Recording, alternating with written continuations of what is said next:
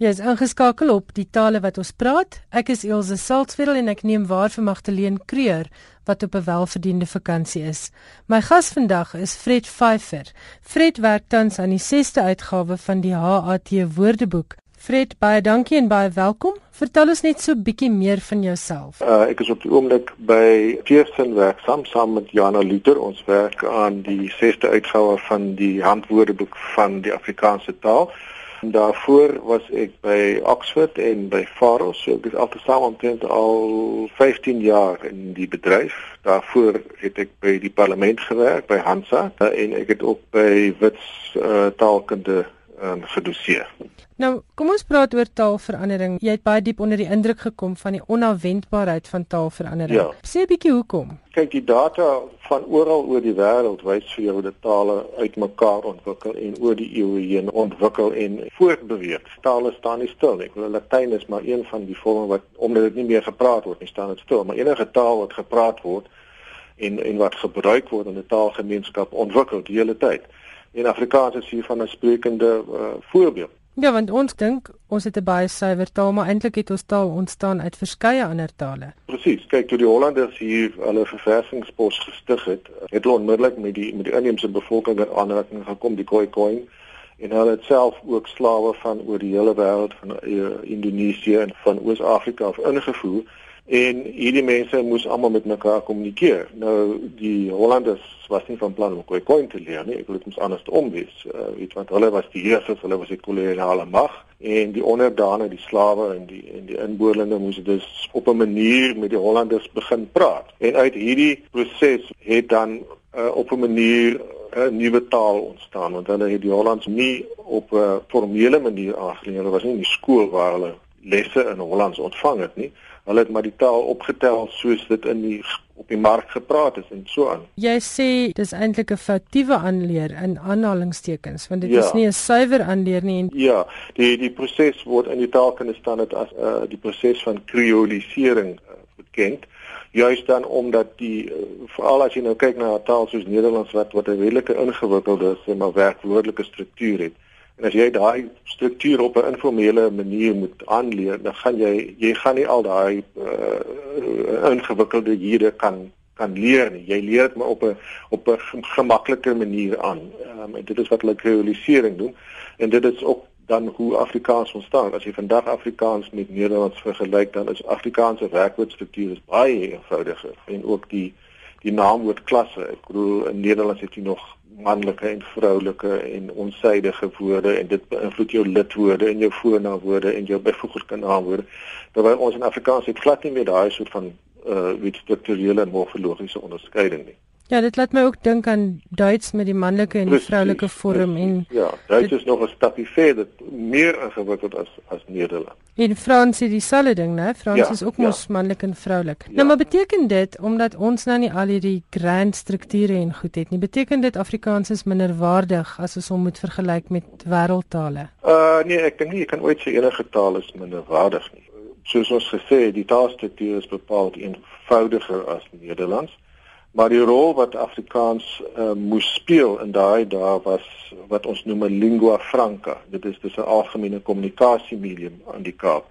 En dit is iets uniek dink ek wat deur die mense vir die mense ontwikkel is hier op die bodem van Afrika. En vir my is hierdie manier waarop 'n taalgemeenskap um, sy taal ontwikkel en laat groei eintlik 'n baie demokratiese proses want dit dit, dit gebeur deur die volk dit kom van onder af weet soos die mense dis dit wil hê so ontwikkel die taal. Vir my is dit ironies dat Afrikaans wat aanvanklik so inklusiewe volksgedrewe en antikoloniale taal eintlik was met die Afrikaner nasionalisme uiteindelik die skelnaam van onderdrukkerstaal moes skryf die verwerping van Afrikaans eintlik so dit is baie, baie ironies dat Afrikaans aanvanklik met so gemeenskaplike ding was en toe eintlik vereng geraak om 'n instrument van onderdrukking te word. Dit is skreiend eintlik Maar ek dink tog dit het dis bietjie anders deesdae. Ek ek ja, dink die sensus het vir ons gewys hoe baie mense praat of ja, erken ten minste in 'n sensusopname hulle is eintlik Afrikaans sprekend. Ja, ja. Nee, kyk in in die nuwe grondwet het Afrikaans soets 'n regmatige rol weer ingeneem as een van ons nasionale tale en en die statistiek wys deurlopend vir jou dat Afrikaans as moedertaal, as taal wat by die huis gepraat word, is die derde grootste taal in die land. So dit is dit is 'n lewendige taal in die land en ek glo self dat Afrikaans gaan 'n groot rol kan speel in in die opbou van Suid-Afrika van ons land en die demokratisering van ons land dink ek. Sy rol is nog lank nie uitgespeel nie dink ek. Dis wat ek nou vir jou wil vra. Jy glo ja. nie ons taal is in gevaar nie. Nee, nee, ek dink solank hy soos van die begin af weet 'n rol speel in die gemeenskap en solank die gemeenskap hom gebruik en solank die jy weet jong mense nog steeds um, ehm, SMS in Afrikaans byvoorbeeld, jy weet en en dit vir hulle 'n medium 'n medium is om met mekaar te kommunikeer en partytjie te en wat ook al, weet dan dan sal die taal oorleef. Die taal is die stem van die mense, weet en as die mense nou eendag besluit hulle gaan nou nie meer Afrikaans praat nie om watter rede ook al, dan ja, dan gaan die taal dood. Maar as die mense wil leef in hulle taal, dan oorleef die taal. Sekerlik. Maar tog is jy nie eng nie. Jy voel dat sekere goed nie noodwendig Afrikaanse vertalings benodig nie.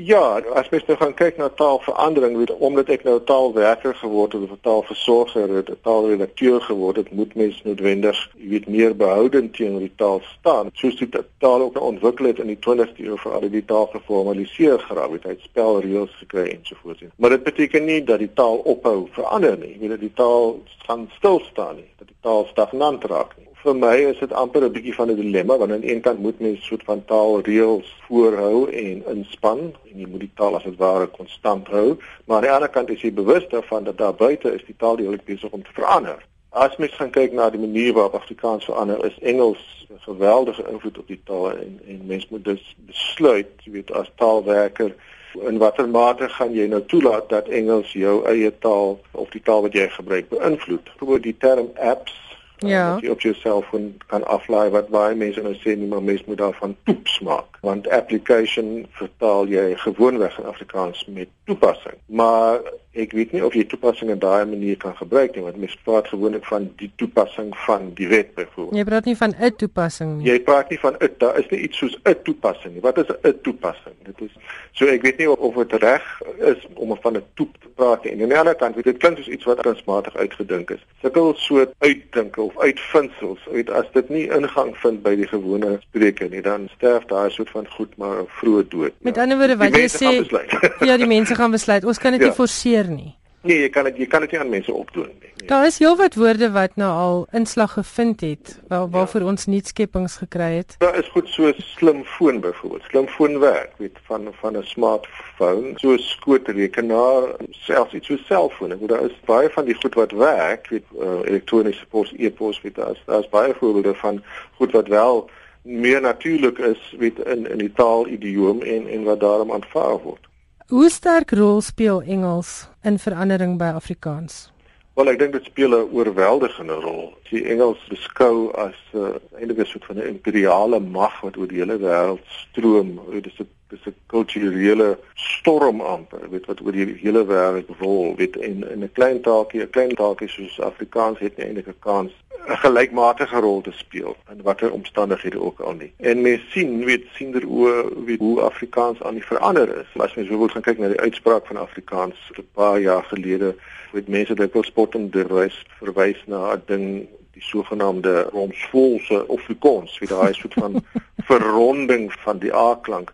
Maar as jy mooi gaan luister, waar ook al in Suid-Afrika, weet jou jou jong leerders uit die skool uit, hulle praat eintlik almal al so, weet in die Weskaap, weet jy, oral, weet jy, daai wat vokale op 'n baie meer geronde manier uitgespreek word, is 'n natuurlike proses wat aan die gang is. So, dink jy dit kom van Engels af? Ek weet nie of dit van Engels afkom nie. Ek dink dit is waarskynlik, weet ek het nou die dag het ek 'n praatjie gehoor As jy gaan kyk na dialekte in Vlaminge in België, jy kry daai selfde soort van wonde uit uitspraak van vokale ook daar. So dit is dalk iets wat wat inherent in Afrikaans is, jy weet wat in elk geval op 'n manier sou uitkom, weet. Ons gebruik Afrikaans baie dikwels idiomaties verkeerd. Is dit iets wat jy ook agtergekom het? Mense verstaan nie meer die die idiome nie, hulle gebruik dit nie meer reg ja. nie en ek vind daar's 'n baie groot invloed van Engels. Ja. Wil jy nie ja. vir die luisteraars 'n voorbeeld of twee gee nie? Ja, ek ek dink die probleem is ook weet aan die een kant het jy die sterk um, kulturele invloed van Engels en aan die ander kant weet ek nie of leerders meer op skool so baie stuk uh, weet formele taalonderrig ontvang nie. Weet, hulle leer nie meer oor taalkunde of grammatika nie. Hulle leer nie meer spelreëls nie. So as jy self nie, jy het nie eintlik meer 'n grondige kennis oor jou eie taal nie en terselfdertyd word jy so blootgestel aan Engels deur sosiale media, deur die televisie dat jy nie eintlik 'n katse kans het. Die jong mense van vandag het nie eintlik 'n katse kans om nog die suiwer idiomatiese Afrikaans te praat waarmee ek en jy miskien groot geword het nie. En dalk ook omdat hulle nie so baie Afrikaans lees nie, né?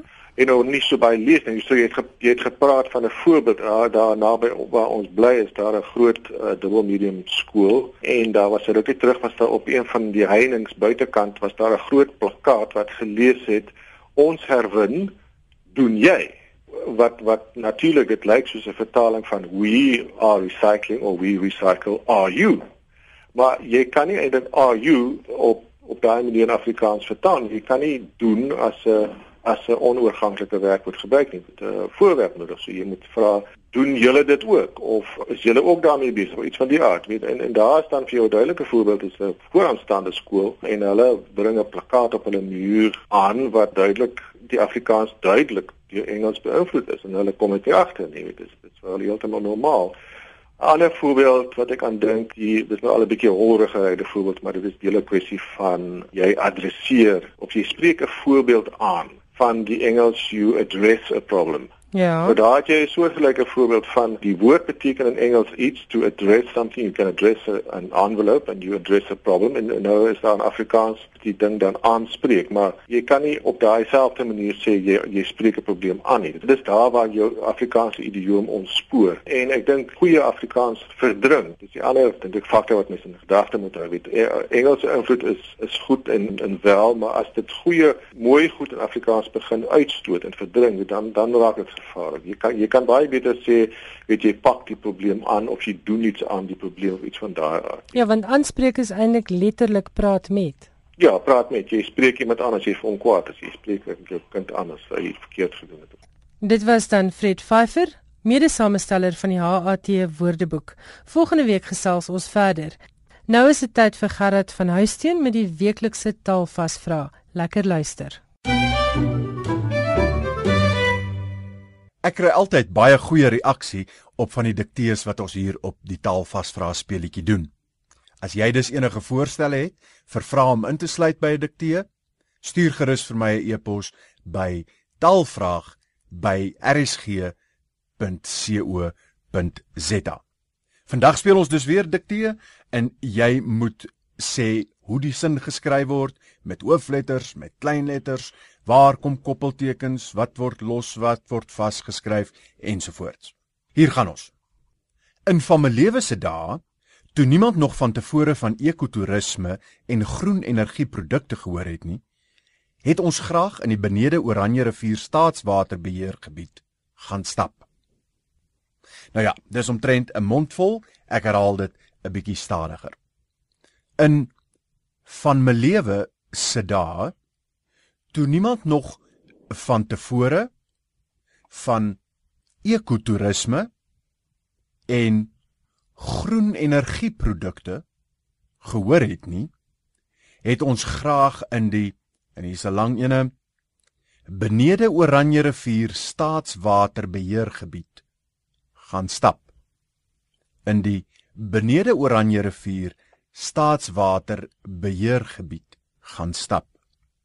In 'n vorige program met Solien Pilon van die Universiteit van Pretoria en sekretaris van die Taalkommissie ons mooi gehelp met die diktee en daarom het ek haar gevra om vandag weer te help. Solien, kom ons val weg met van my lewe se dae. Gaan daai van my lewe se dae, daai van my lewe beteken vroeër of voorheen van die ou tyd en ons spel dit V A N M E L E W E. En dit het ook 'n wisselvorm wat vans lewe is wat ons spel V A N S L E W E. En dis alles aan mekaar vas. Dis alles aan mekaar vas. Dis 'n vreemderige woord, maar dis alles aan mekaar vas. En dan van my lewe spasie se spasie daar. Presies so. En dan niemand? Niemand spel ons N I E M A N D. Dis dis een woord en dit is die teenoorgestelde van iemand. So niemand beteken nie iemand, maar ons het daai nie en iemand bymekaar getrek en niemand een woord daarvan gemaak. Dan van tevore. Van tevore het ons ook bymekaar getrek en een woord van gemaak. So ons spel dit V A N T E V O R E vas aan mekaar. Uh maar wat interessant is is dat dit in Nederlands nog steeds van tevore twee woorde is, maar in Afrikaans het dit nou een woord geword. En dan kom ons by ekotourisme. Ekotourisme spel ons E K O T O E R I S M E. Uh en dit is natuurlik toerisme wat met die omgewing te doen het en daai eko se prefiks wat daai omgewingsbetekenis het. Ons spel dit nie met 'n koppelteken nie, ons skryf dit aan die woord vas. En waar kom daai eko vandaan? Van ekologie. Ehm um, so dit is daai selfde latynse wortel wat in ekologie staan wat omgewing beteken. Uh het ons nou 'n affiks gemaak. En wat ons natuurlik ook kry in ekonomie, nê? Nee. Einste. Goed. Dan groen energieprodukte. Goed, hierdie is weer 'n interessante een, is ook een van my gunsteling Afrikaanse taalverskynsels. Uh is wat ons die samestellende samestelling noem. Want groen energie, dis natuurlik energie wat nie skadelik is vir die omgewing nie of energie wat gegenereer word op 'n manier wat nie skadelik is nie is twee woorde, maar wanneer jy 'n uh, groen energieprodukte daarvan maak, dan word groen en energie vas aan mekaar geskryf en dan word groen energie vas aan produkte geskryf. So groen energieprodukte is een lang woord en dit gebeur omdat daai groen die energie beskryf en nie die produkte nie en daarom moet daai groen energie een woord word. Want as dit groen energieprodukte was, dan was dit byvoorbeeld 'n battery of so iets met die kleur groen. Maar dit is nie waar dit oor dit hier gaan nie. Dis presies dit want hierdie is produkte wat groen energie wat met groen energie daai konsep te doen het. Sou mens hier ook 'n uh, koppelteken kon gebruik of nie? Dit is heeltemal toelaatbaar in sulke lang woorde wanneer wanneer die skrywer van so 'n woord voel dat ehm um, die leesbaarheid van daai woord heeltemal te moeilik is, dan kan jy 'n koppelteken aan uh, insit en byvoorbeeld skryf groen koppelteken energieprodukte of groen energie koppelteken produkte. Ja, wat waarskynlik eh, betekenisgewys die beter opsie is.